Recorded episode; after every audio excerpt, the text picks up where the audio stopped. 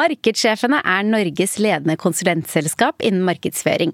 Vi er 50 ansatte fordelt på kontorer i Oslo, Bergen og Stavanger, og det er oss du ringer til når du trenger fagekspertise eller ekstra kapasitet. I denne podkasten skal vi snakke om markedsføring og ledelse med noen av Norges største merkevarer. Gjennom å dele sine erfaringer får vi et unikt innblikk i deres hverdag og hvordan de løser sin egen markedsføring.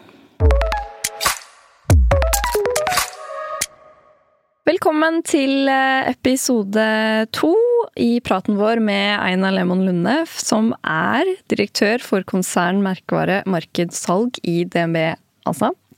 Hvis eh, dere ikke har hørt den første episoden, så anbefaler jeg dere å gå tilbake og gjøre det. Dette er da del to. Vi tenkte at vi skulle gå litt over eh, i å snakke om hvordan dere jobber med kampanjene deres. Jeg tenker alle, ja, alle vi som driver markedsføring, og de som ikke driver med markedsføring, så har jo fått med seg veldig mange av eh, kampanjene dere har vært ute med, som dere har fått eh, mye oppmerksomhet rundt. Hvordan er det egentlig dere jobber når dere skal tenke nytt og komme opp med kommunikasjon som dere skal ta ut i markedet? I utgangspunktet så har vi jo et sånn knippe med fagprinsipper som sier en del om hvordan vi skal jobbe som utgangspunkt. Eh, litt way of work, litt kultur, litt hvilken teori lener vi oss på, hva er empirien vi har tatt ut eh, selv som vi ser fungerer godt. Den kan vi lene oss litt på. Og når det gjelder konkrete kampanjer, så er det, det er egentlig tre tilsynelatende ganske enkle nøkkelspørsmål som vi må svare på før vi kan gå ut med noe som helst.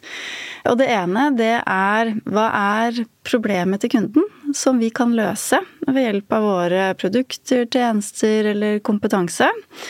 For det sier noe om hvilke verdiforslag som er sterke nok til å ta ut i markedet, eller om vi er nødt til å utvikle noen nye verdiforslag. Så pleier vi også å stille spørsmålet hva er det som engasjerer kunden? Og det gir oss et lite pekepinn på hvilke kreative konsepter vi trenger for å klare å rett og slett få oppmerksomheten, kunne komme i en eller annen form for dialog eller kommunikasjon med kunden. Man sier vel at det er sånn rundt 3000 kommersielle budskap man blir utsatt for hver dag, sånn at det er mye støy. Og hvis vi ønsker å komme gjennom, så må vi vite Da må det være på kundens premisser, det må være noe som engasjerer. Og litt avhengig av hvor interessert man er i utgangspunktet, hvor mye kompetanse man har og sånne ting, så vil det være med på å forme kampanjene. Og så er siste nøkkelspørsmål det er rett og slett hvor beveger kunden seg. Og det handler om distribusjon. Det kan være alt fra våre kanaler, om det er eh, betjente kanaler, digitale kanaler, men det er også eksterne kanaler, kjøpte kanaler. Hvordan må vi sette sammen dette økosystemet for at vi treffer på riktig sted til riktig tid mm. osv. Og de tre nøkkelspørsmålene, de, svarene på de spørsmålene, de danner grunnlaget for det arbeidet vi gjør med å utvikle kampanjer. Og så er vi jo da veldig opptatt av, for å finne svaret på de spørsmålene, så skal vi være eh, det vi sier, kaller flerkildeorientert. Det vil si rett og slett bare bruke flere kilder til innsikt. Og der tenker jeg at man allerede der skal man være litt sånn kreativ i forhold til å tenke hva kan gjøre at vi forstår mer? I noen tilfeller så sitter man på masse innsikt. Man kan ha kundeundersøkelse, man kan ha trendanalyse, man kan ha fokusgruppe man kan, man kan ha eh, mer eller mindre sterke kundedata osv. Og, så og vi prøver å lose disse innsiktsstrømmene ned i de nøkkelspørsmålene. Men akkurat det med at vi er opptatt av å være flerkildeorientert, det handler jo om at hvis du bare lener deg på én kilde, så kan du for det første risikere å mer konservere sånn som det alltid har vært. Fordi av og til så får man bare bekrefta ting som det har vært til enhver tid, og da bidrar du sjelden til endring. Eller du kan også risikere å bare få eh, en del sånne blind spot, at det er en del ting du ikke klarer å se. Og et veldig sånn konkret eksempel på det, det er jo i forbindelse med når vi jobba med Hun investerer. Fordi en kilde til innsikt som, eh, som, både vi og mange andre markedsførere bruker, det er jo digitale atferdsdata, eller mm. helt enkelt også bare salgsdataene. Og hvis vi satt og så på de når det gjaldt å investere i fond, f.eks., så indikerte det at de som var mest interessert i å høre mer om dette, og få kommunikasjon rundt det, det var eh, menn som allerede hadde ganske høy kompetanse, og også midler til å investere. Hvis vi kun hadde brukt den kilden, så hadde vi garantert klart å selge mer til de, for vi hadde målretta til en interessert målgruppe og kunne økt eh, både hyppighet og sant, hvor mye de investerte, vi kunne truffet litt flere med tvillingsegmenter og sånne ting. Istedenfor der så gjorde vi jo egentlig det som kan se ut som det omvendte. Vi målretta oss til kvinner som vi ikke fikk noen sterke kjøpsignaler fra. Også til de med lite kompetanse, og de med veldig lav interesse i å investere i fond. Men grunnen til at vi gjorde det, at vi valgte å gjøre det, er fordi vi hadde sett på noen helt andre tall. Veldig andre tall. Mm. Eh, og det var at vi satt og så på tvers av kategorier og produkter i DNB. Så så vi at samme hvilke områder vi så på, så var det hele tiden sånn veldig sprik i tallene. Hvor menn kom veldig godt ut, og kvinner kom veldig dårlig ut. Og det var jo det kapitalgapet som begynte å tegne seg på tvers av alle disse tallene. Og vi tenkte at ja, men det her er jo Dette her liksom bare henger jo ikke på greip. Vi ser på oss selv som et veldig likestilt land, og så ser vi at det er et stort kapitalgap mellom kvinner og menn, samme hvilke økonomiske variabler vi ser på.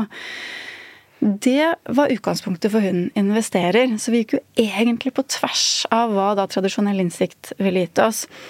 Og da bestemte vi oss jo egentlig for å løfte innsikten vår ut, så det ble en veldig viktig del av kampanjen. Å fortelle hva vi hadde sett, gi tallene ut til alle andre også, for å kunne være med på å drive en endring og bygge kompetanse. Men jeg tror liksom Jeg liker det, det caset så godt nettopp fordi det viser at hvis du ikke er nysgjerrig nok, da, så risikerer du å bare gjøre mer av det samme, men kanskje litt bedre. Mm. Og sånn tenker jeg det også funker på flere områder hvor det kan være målgrupper du ignorerer, eller det kan være problemstillinger du ikke klarer å fange opp. Men er du kreativ i kildene, så ligger også kimen til kreative kampanjer der.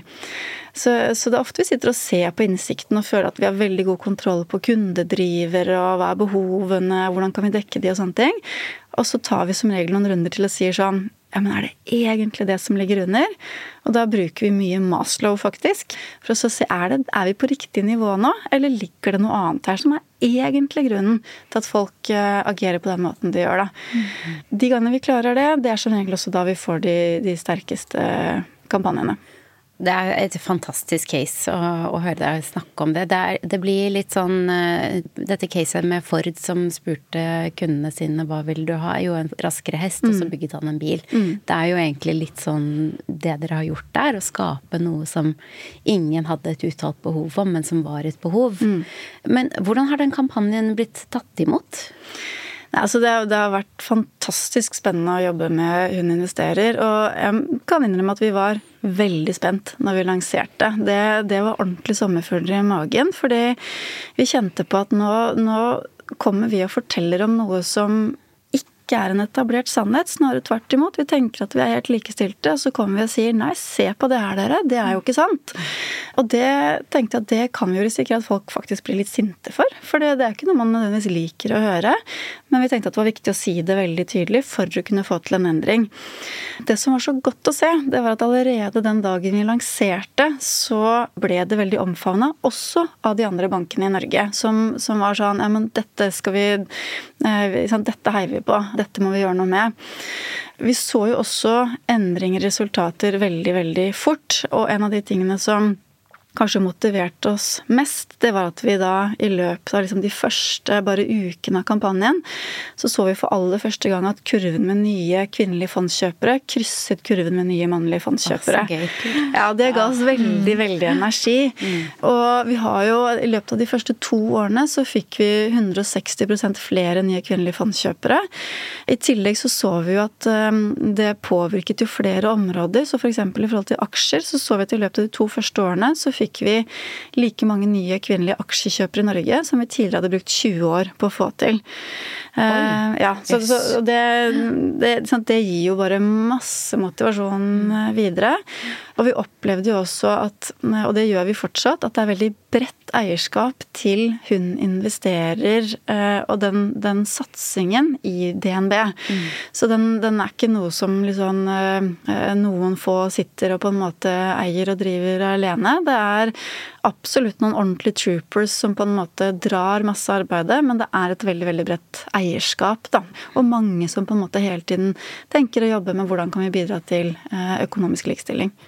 Det er jo også et fantastisk eksempel på eh, viktigheten av å ta et samfunnsansvar. Ikke få et samfunnsansvar, men virkelig bare ta det. Mm. For det var jo, som du sa, et risikabelt prosjekt. Mm. Sikkert litt skumlere enn andre ting. Mm, absolutt. Men altså så viktig. Veldig gøy å høre hvordan dere har, la til rette for det og fikk mm. det på luften. Vi snakket jo om, eh, når vi hadde forberedt praten vår, så snakket vi også om en, eh, en ny eh, kampanje eller prosjekt, eller hva jeg skal kalle det, som dere jobber med nå, med å digitalisere rådgivning. Ja. Det er også veldig spennende, og det går jo også veldig inn på akkurat disse nøkkelspørsmålene. På liksom hva er det vi kan hjelpe til med å løse for kunden. Dette er jo igjen veldig innsiktsdrevet, fordi vi vet at de kundene som har fått rådgivning av banken, de er også veldig mye mer fornøyd.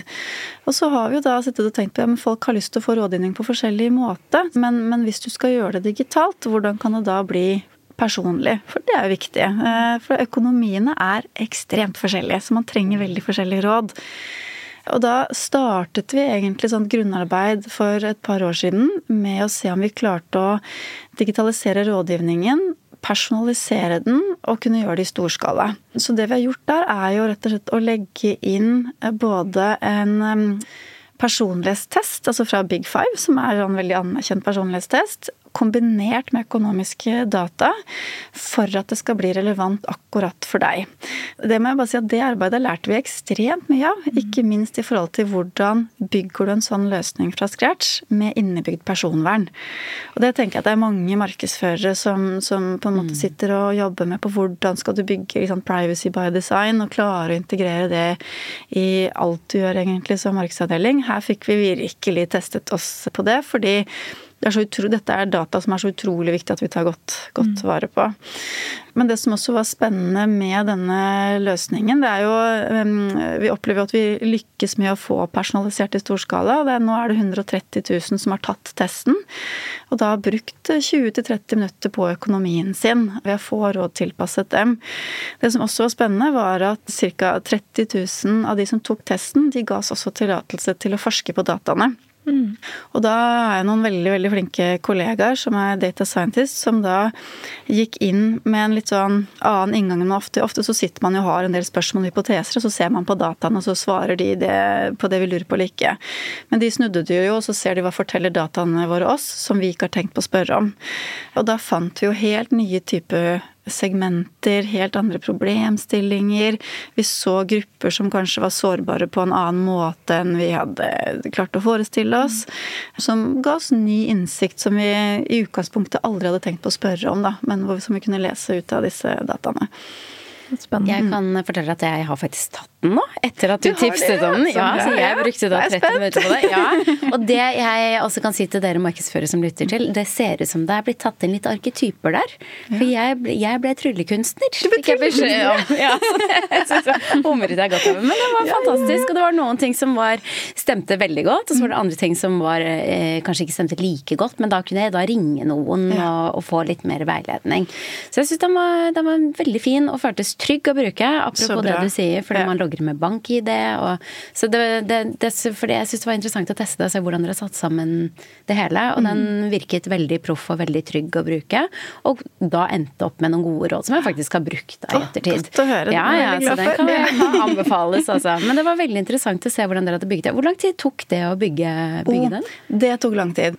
Noe av grunnen til at den var såpass krevende, var jo nettopp fordi vi skulle både bruke dataene på riktig måte, så det ble riktige råd, men vi skulle også ta godt vare på det, så vi brukte lang tid på akkurat det du sier sånn skal det være innlogging med bank-ID eller ikke? ikke sant? Hvordan sikrer vi at dette også i etterkant blir forvalta riktig? Mm. Så det var en stor jobb bare å utvikle løsningen, og hvor vi lærte kjempemasse.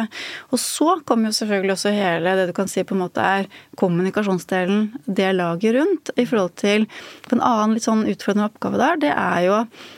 hvordan får vi flere til å bruke tid på det og til å ville ta testen? Vi var helt sikre på at dette kan være nyttig for folk. Det var vi veldig trygge på. Vi, vi, den er jo basert på hva rådgiverne våre får av spørsmål. Så rådgiverne jobbet jo masse med oss inn i denne testen. Men hvordan får vi folk til å bruke tid på økonomi? Vi vet at eh, i snitt da, så bruker nordmenn én time i måneden på økonomi.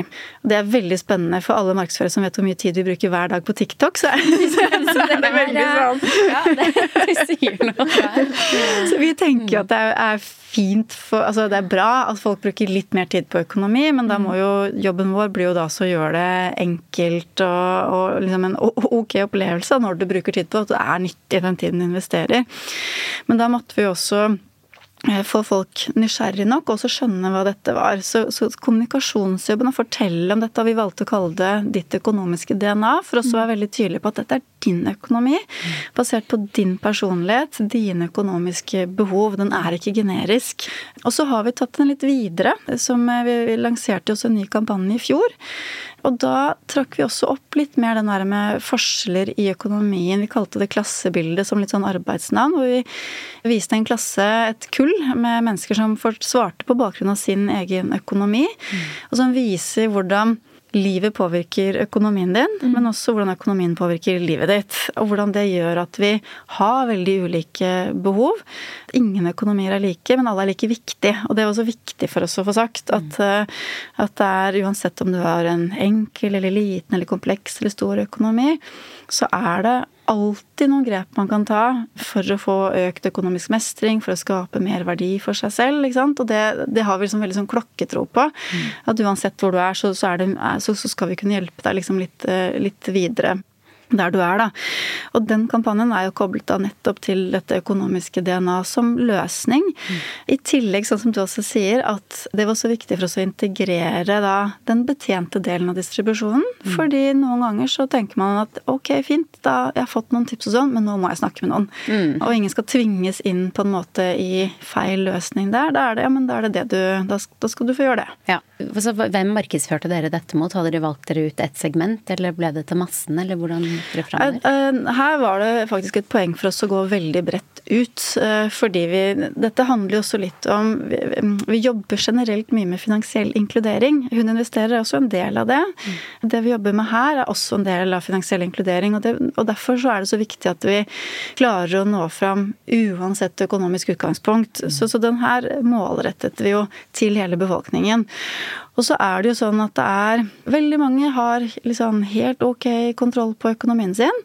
Men så er det også sånn at det kan du godt ha hatt hele livet, og så skjer det noe. Og vi ser så ofte at det er liksom ulike livshendelser som kan gjøre at økonomien plutselig kommer litt ut vater. Og de situasjonene er det viktig å fange opp, og det gjelder alle. Altså Nesten alle er innom noen sånne hendelser i livet hvor, hvor økonomi plutselig blir påvirket fordi det har skjedd deg noe. Mm. Så det å liksom være tydelig på at uh, det er ikke unntakene, det er helt vanlig, mm. det var også viktig, og derfor også viktig å rette seg til alle.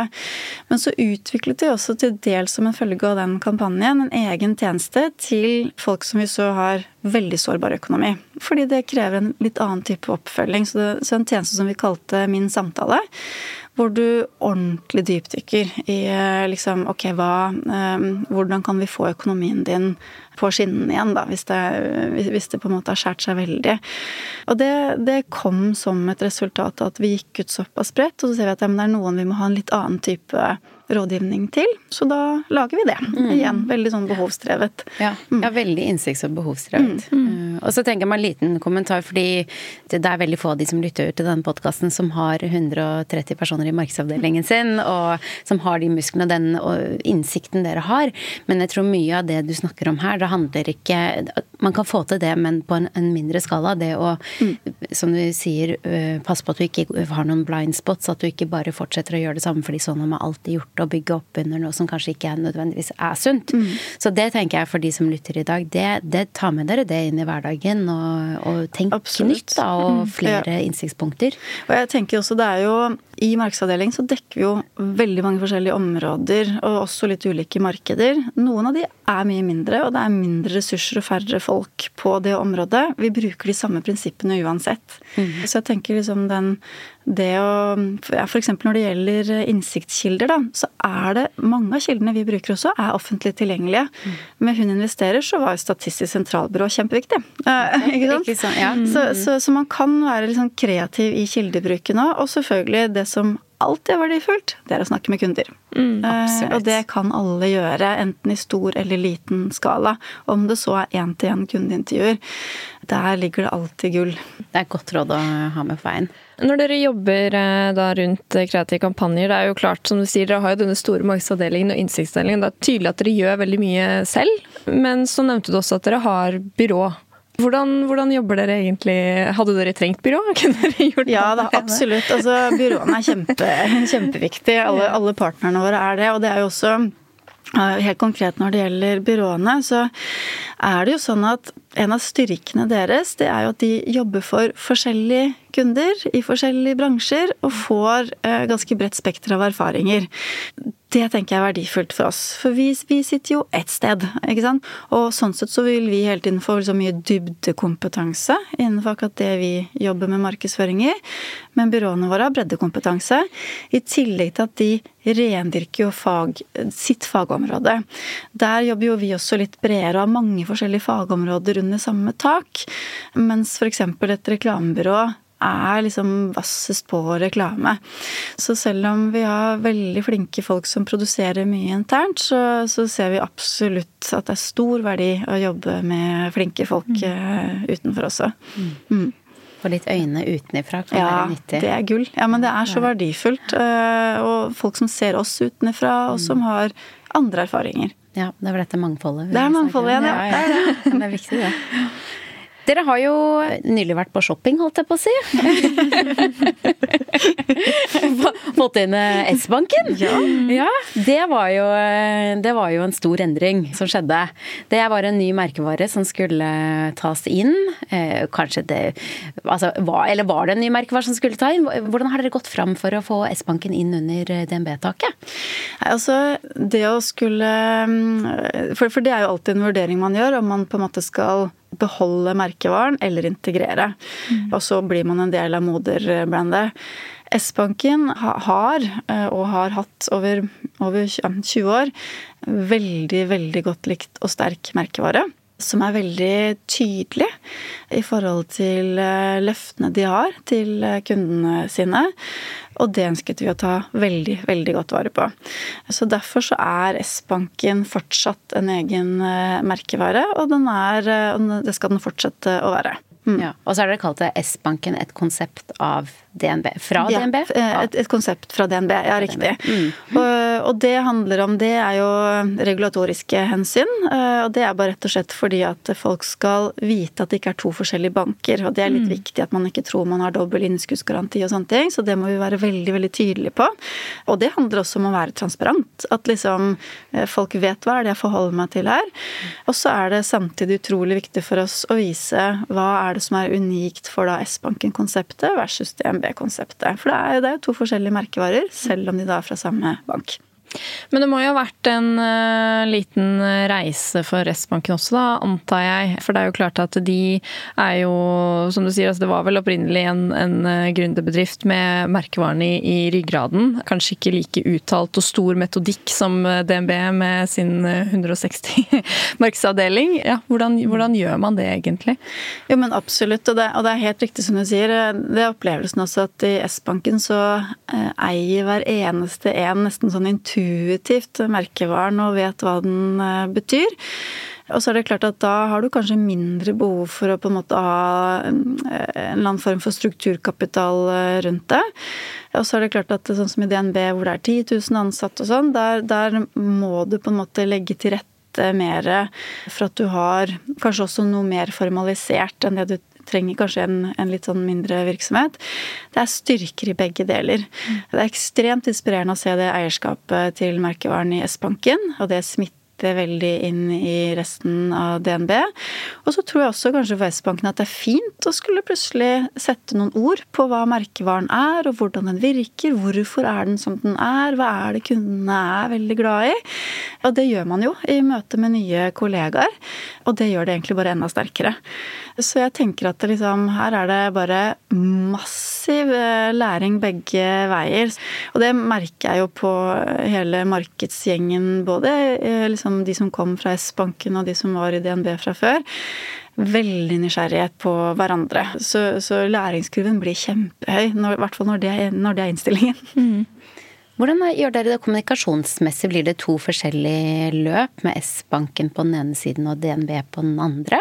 Altså det, er, det, er klart at det, der hvor vi kan liksom dra fordeler av eh, å jobbe f.eks. metodisk og sånne ting, eller, eller liksom dele på hvordan vi utvikler ting og sånn sammen, så gjør vi det. Men det er forskjellige målgrupper, så de trenger ulik kommunikasjon. Ja. Eh, og det tenker jeg er viktig også, fordi man har kundene som, som kommer fra S-banken, de, de, er vant til å bli kommunisert med på en bestemt måte, og den liker de, og den må de få til å fortsette å få.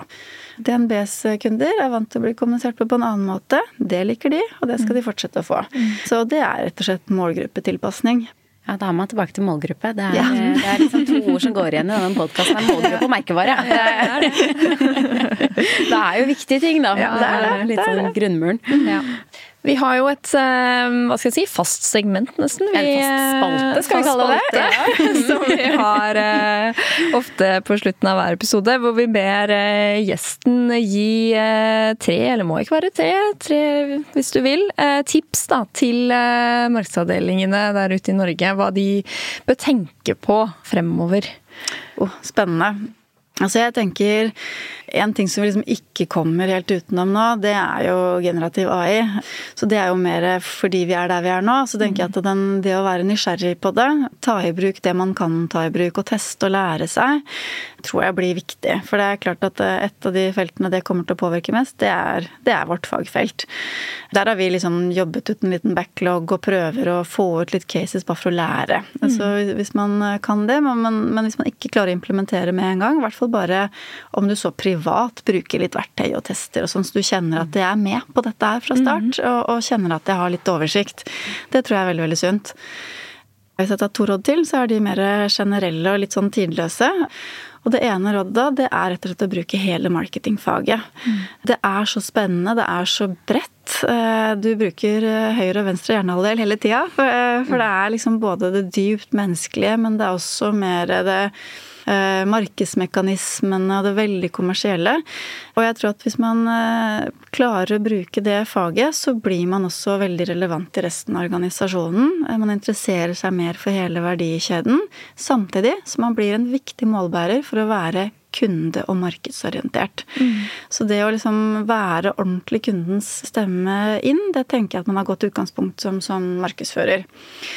Og det siste, det tenker jeg eh, kanskje handler om det med å sette liksom litt læring i system. For da har du også eh, det ene at det, det stimulerer ofte til innovasjon. Det gjør at du blir mer nysgjerrig, får mer impulser. Du gjentar ikke gamle feil, du lærer av deg sjøl og på en måte kan hele tiden forbedre deg. Og hvis man er opptatt av læring, så betyr det veldig ofte også at du blir interessert i ulike perspektiver. Og er du interessert i ulike perspektiver, så vil du veldig ofte by default være interessert i mangfold. Og det mener jeg er bra for alle, ikke bare markedsavdelingene. Gode råd å ha med seg. Strukturkapital var et ord du brukte et par ganger mm. i dag, og det mm. tenker jeg er et godt ord å ha med seg i hverdagen. Mm. Som alle, uavhengig av størrelse, kan, kan ta med seg. Mm. Tusen takk for at du ble med på praten. Takk for praten. Det, var veldig hyggelig. Kjempelærerikt og veldig hyggelig, ikke minst, å ha deg her. Vi eh, er tilbake på lufta om eh, to uker. Så da er det bare å trykke på følg-knappen, så får du en liten varsling. Mm. Takk for i dag. Takk for i dag.